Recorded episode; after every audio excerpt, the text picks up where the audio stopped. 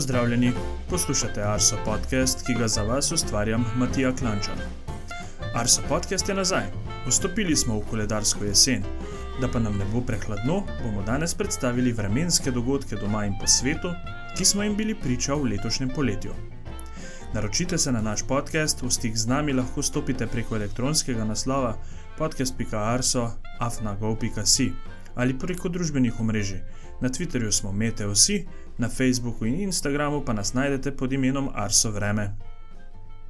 Našo prvo rubriko Vremenska uganka bomo v celoti predstavili na družbena omrežja, ostalih sprememb po letošnji sezoni Arso podcasta pa ne pričakujemo.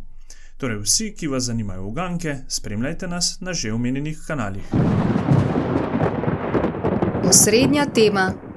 Ker se je v preteklih treh mesecih na vremenskem področju dogajalo marsikaj zanimivega, sem v svojo družbo povabil klimatologa Gregorja Vrtačnika.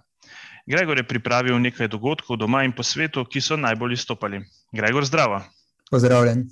Eh, če se ne motim, si pripravil, mislim, da štiri tematike, ki se jih bova danes dotaknila. Eh, pa glede na to, da je poletje, bova začela kar eh, pri temperaturah, pri visokih temperaturah letošnje poletje naj bi bilo eno najtoplejših na globalni ravni, uh, najtoplejše pa seveda v delih Severne Amerike, Evrope, Azije in Afrike.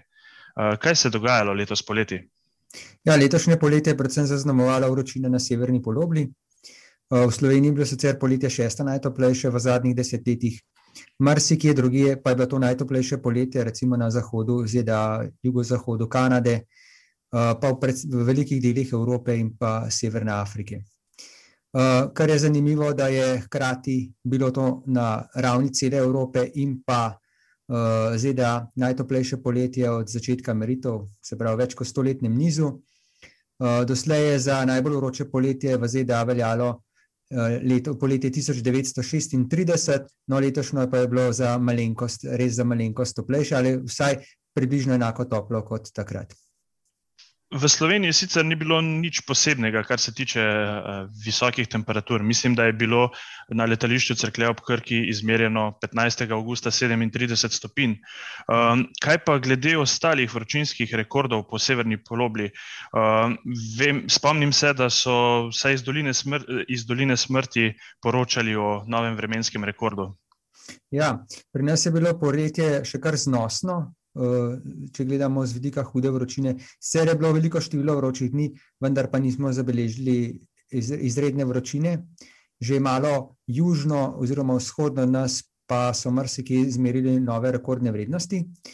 Že, že 16. junija je bilo rekordno vroče v Omanu, kjer so izmerili 51,6 stopinje Celzija, to je tudi nov državni rekord za to državo. Potem malo kasneje, 29. junija, je bilo izredno vroče v Lightonu v Kanadi. Takrat se spomnimo poročanja o neverjetni vročini na severozahodu ZDA in na jugozahodu Kanade. Eh, hkrati s to vročino je, so bili povezani tudi gozni požari, ki so potem uh, povzročili kar precej škode nekaterim krajem. No, in uh, ta uh, vrednost 49,6 stopinje je zagotovo najbolj istopajoča vrednost letošnjega leta na globalni ravni sploh. Namreč na tej vremenski postaji je bil prejšnji rekord samo v narekovajih 44,4 stopinje Celzija. To pomeni, da je bilo letos 5 stopinj bolj toplo kot kadarkoli prej na, na tej vremenski postaji. Hkrati, se pravi, poleg tega, je, da je bil ta rekord dosežen na, na tej postaji, je tudi rekord za celotno zemljo nad geografsko širino uh, približno 50 stopinj. Um, bilo je nekaj zelo vročih dni, No, in uh, če primerjamo recimo uh, ta podatek z drugimi tam okrog, je samo nekaj meteoroloških postaj, recimo v jugozahodnem delu ZDA, tam v močju doline smrti in tam okrog, ki so izmerile že višjo temperaturo, kot je bila dosežena sedaj v Kanadi. Uh, za primerjavo v Evropi na tej geografski širini. Skoraj da ni meteorološke postaje, ki bi izmerila več kot 38 ali recimo 40 stopinj. Tam se je pa grelo skoraj do 50 stopinj Celzija. Uh, potem naslednji eh, ekstrem je padel 9. julija, ko so v dolini smrti izmerili 54,4 stopinje Celzija. To je verjetno tudi svetovni rekord, uh, čeprav uh, Svetovna meteorološka organizacija še vedno priznava za svetovni rekord izmerek za doline smrti iz leta 1914 ali tam nekje okrog. Bilo je takrat skoraj 57 stopinj Celzija, vendar pa podrobnejši pregled tistih podatkov kaže, da ta rekord ni smiselen oziroma da, je, da gre za precejšno napako. Kasneje so se rekordi letos zvrstili predvsem v območju južnega dela Evrope in pa Severni Afriki. 20. julija so v Turčiji izmerili dobrih 49 stopinj, kar je tam državni rekord. Potem pa še avgusta uh, smo imeli um, tri, recimo tri lokalne, uh, recimo temu vročinske točke in sicer najprej v, na Siciliji in pa v Tuniziji, na Siciliji skoraj 49 stopinj, 11. augusta, takrat to je verjetno tudi najvišja, recimo temu zanesljivo izmerjena uh, temperatura v Evropi. Isti dan je bilo v Tuniziji dobrih 50 stopinj Celzija, kar je rekord za Tunizijo, potem pa še tri dni kasneje v Španiji, v Montoru, 47,4 stopinje Celzija, zelo verjetno rekord uh, jugozahodnega dela Evrope. No, in potem so se pa s tem, se pravi, španskim rekordom, pa počasi, smo se počasi poslovili od teh, recimo, zares izjemnih uh, vremenskih razmer. Je pa tukaj treba dodati, da je verjetno tudi, da je tudi marsikje druge, recimo na japonskem eh, delu Kitajske in pa še kje so padali vročinski rekordi. Uh, tako da je bilo letošnje poletje zares bogato s, s tem vremenskim dogajanjem. Ja, res ekstremne vrednosti od vse povsod. Uh, pa se dotakniva drugače tudi ene tematike, ki pa se dotika uh, malce drugačnih ekstremov uh, in sicer katastrofalnih poplav, ki smo jim bili priča v um, Nemčiji in pa v Belgiji sredi julija.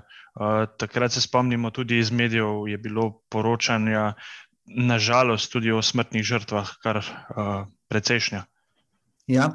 Sredi julija so zlasti Nemčijo in pa del Belgije prizadele res katastrofalne poplave. V Nemčiji gre za najhujšo naravno nesrečo po, po smrtnih žrtvah, po poplavah Severnega morja, februarja 1962, takrat je zelo prizadelo Hamburg.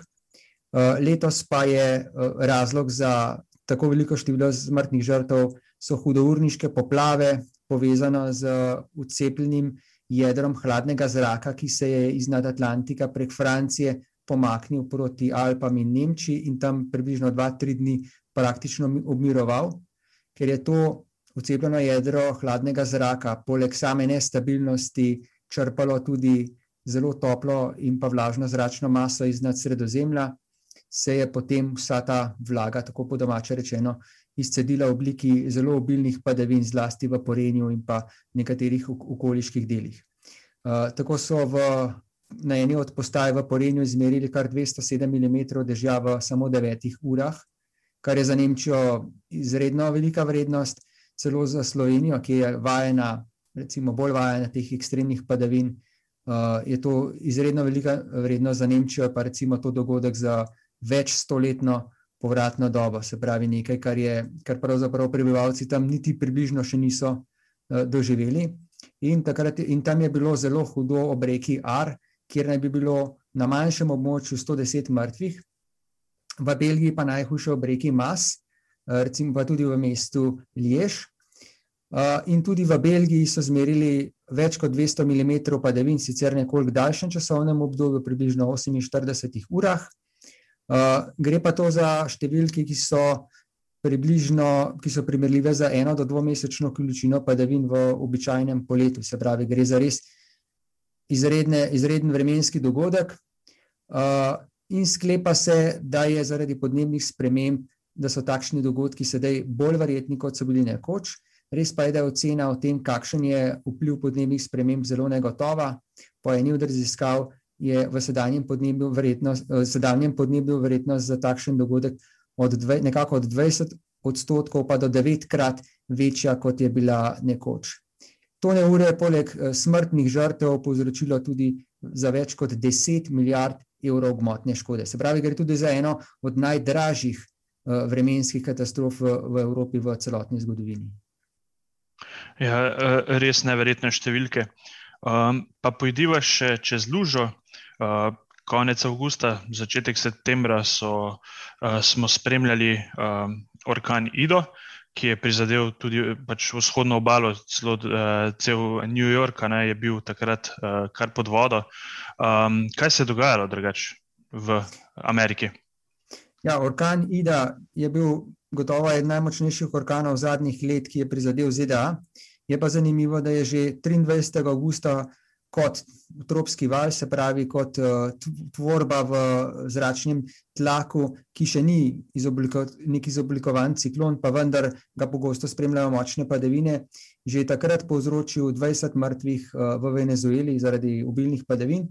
Potem se pa je ta tropski val spremenil v tropski ciklon, sprva v tropski vihar, ki je čez nekaj dni dosegel zahodni del Kube, potem pa se je pomaknil v zelo topel Mehiški zaliv in se tam zelo hitro in zelo močno okrepil na orkan četrte stopnje. In devetindvajsetega avgusta prispel na kopno v Louisiani kot močan orkan četrte stopnje s hitrostjo vetra, minutnim povprečjem hitrostjo vetra do dvesto štirideset kilometrov na uro. Najmočnejši izmerjen sunek, sicer na kopnem, je bil kar dvesto sedeminsedemdeset kilometrov na uro.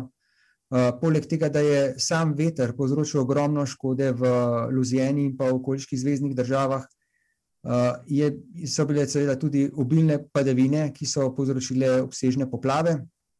No, in kasneje se je ta orkan pomikal proti severovzhodu, proti najprej čez Apalače in potem proti severovzhodnemu delu ZDA, ki, ki se imenuje tudi Nova Anglija. No, in tam je pri pri preobrazbi v običajen ciklon zmernih širin, hkrati pa z veliko zalogo vlage, ki je nosil sabo, povzročil gromozansko količino padavin, padlo marsikje tudi sto petdeset ali celo dvesto milimetrov dežja. Recimo v New Yorku so bile velike poplave, pa tudi v drugih zveznih državah, tistem območju, in tam je bilo kar nekaj smrtnih žrtev. Vse skupaj naj bi zaradi orkana Ida umrlo sto šestnajst ljudi. Gre pa po škodi za enega od najhujših orkanov v zadnjih desetletjih. približno ocenjuje se, da je bila gmotna škoda v vrednosti vsaj petdeset milijard dolarjev, kar ga po trenutnih izračunih uvršča celo, uvršča celo na šesto mesto med vsemi atlantskimi orkani. Gregor, najlepša hvala drugače za tele povzetke letošnjega poletja, kjer nekih ekstremov oziroma zanimivih dogodkov iz vremenskega področja res ni manjkalo. In verjamem, da se bova v tudi v letošnji sezoni Arso podcasta še večkrat slišala. Ja, hvala tudi tebi za vabilo. Obeti. Vremensko napoved za naslednje dni je pripravila Veronika Hladnik za Kotnik. September nas je do prejšnjega konca tedna razvajal soncem, suhim vremenom in visokimi dnevnimi temperaturami. To se je odrazilo tudi na sušnih razmerah, saj je bila še v četrtek izjemna suša površinskega sloja tal oziroma kmetijska suša v Notranjski regiji ter v Ljubljani in okolici. Padavine so razmere nekoliko le omilile. V večjem delu države je od četrtkovega popoldneva pa do ponedeljkovega dopoldneva padlo od dvajset do šestdeset, krajevno pa tudi več kot sto milimetrov dežja. Že v torek se je nad našimi kraji začelo krepiti območje visokega zračnega tlaka. Pod njegovim vplivom bomo tudi v prihodnjih dneh, predvidoma vsaj do konca tedna. Do takrat bo, kot kaže, trajalo tudi suho obdobje. Sprva bo na nebu še nekaj več oblačnosti. V sredo bo še zmerno do pretežno oblačno, ob mirnem ozračju in povečani količini vlage v tleh bo zjutraj po nekaterih kotlinah prisotna megla. Od četrtka do sobote pa bo že več sonca, le v zahodnih krajih se bo oblačnost povečevala. Temperature se bodo v prihodnjih dneh dvigale. V sredo bodo sicer še večinoma pod dvajset stopinj Celzija, ob jugozahodnem vetru bodo temperature ob koncu tedna ponovno okoli petindvajset stopinj Celzija. Nedeljo ali ponedeljek se nakazuje sprememba vremena. Na nebu bo več oblačnosti, povečala pa se bo tudi verjetnost za padavine. Vremenske zanimivosti. Za prvo oddajo po pavzi se spodobi, da pregledamo vremenske zanimivosti meteorološkega poletja dva tisoč enaindvajset. Letošnje poletje je nekajkrat postreglo z visokimi temperaturami nad petintrideset stopinj Celzija. Najvišje se je živo srebro povzpelo na letališču Cerklje ob Krki, ko smo petnajstega avgusta izmerili sedemintrideset stopinj Celzija. Visoke temperature nad petintrideset in pol stopinje Celzija smo izmerili tudi v Črnomlju, v Trebnjem, Biljah, Marinči vasi, Metliki, Lendavi in v Podnanosu. Najnižja temperatura je bila pričakovano izmerjena na Kredarici. Prvi dan meteorološkega poletja smo izmerili minus 2,7 stopinje Celzija. Zanimivo pa je to, da, je, da se je naslednjič temperatura spustila pod ledišče šele 27. augusta. Najhitrejši sunek vetra smo izmerili na Kaninu. 27. julija je pihalo s hitrostjo nad 130 km/h. Najbolj moker dan letošnjega poletja je bil 2. august. Takrat je na postaji Soča na skrajnem zahodu Slovenije padlo kar 130 litrov padavin. Še podatki o najbolj sončnih postajah. 14. junija smo na Kredarici izmerili 15 ur trajanja sončnega obsevanja. Skupno je največ ur zbrala postaja letališče Portorož, skupaj se v treh mesecih nabralo skoraj za 974 ur sonca, kar je 10 ur in pol sonca na dan. Prva epizoda nove sezone Arso podcasta je pod streho. Želimo vam obilo lepega vremena in se slišimo čez 14 dni.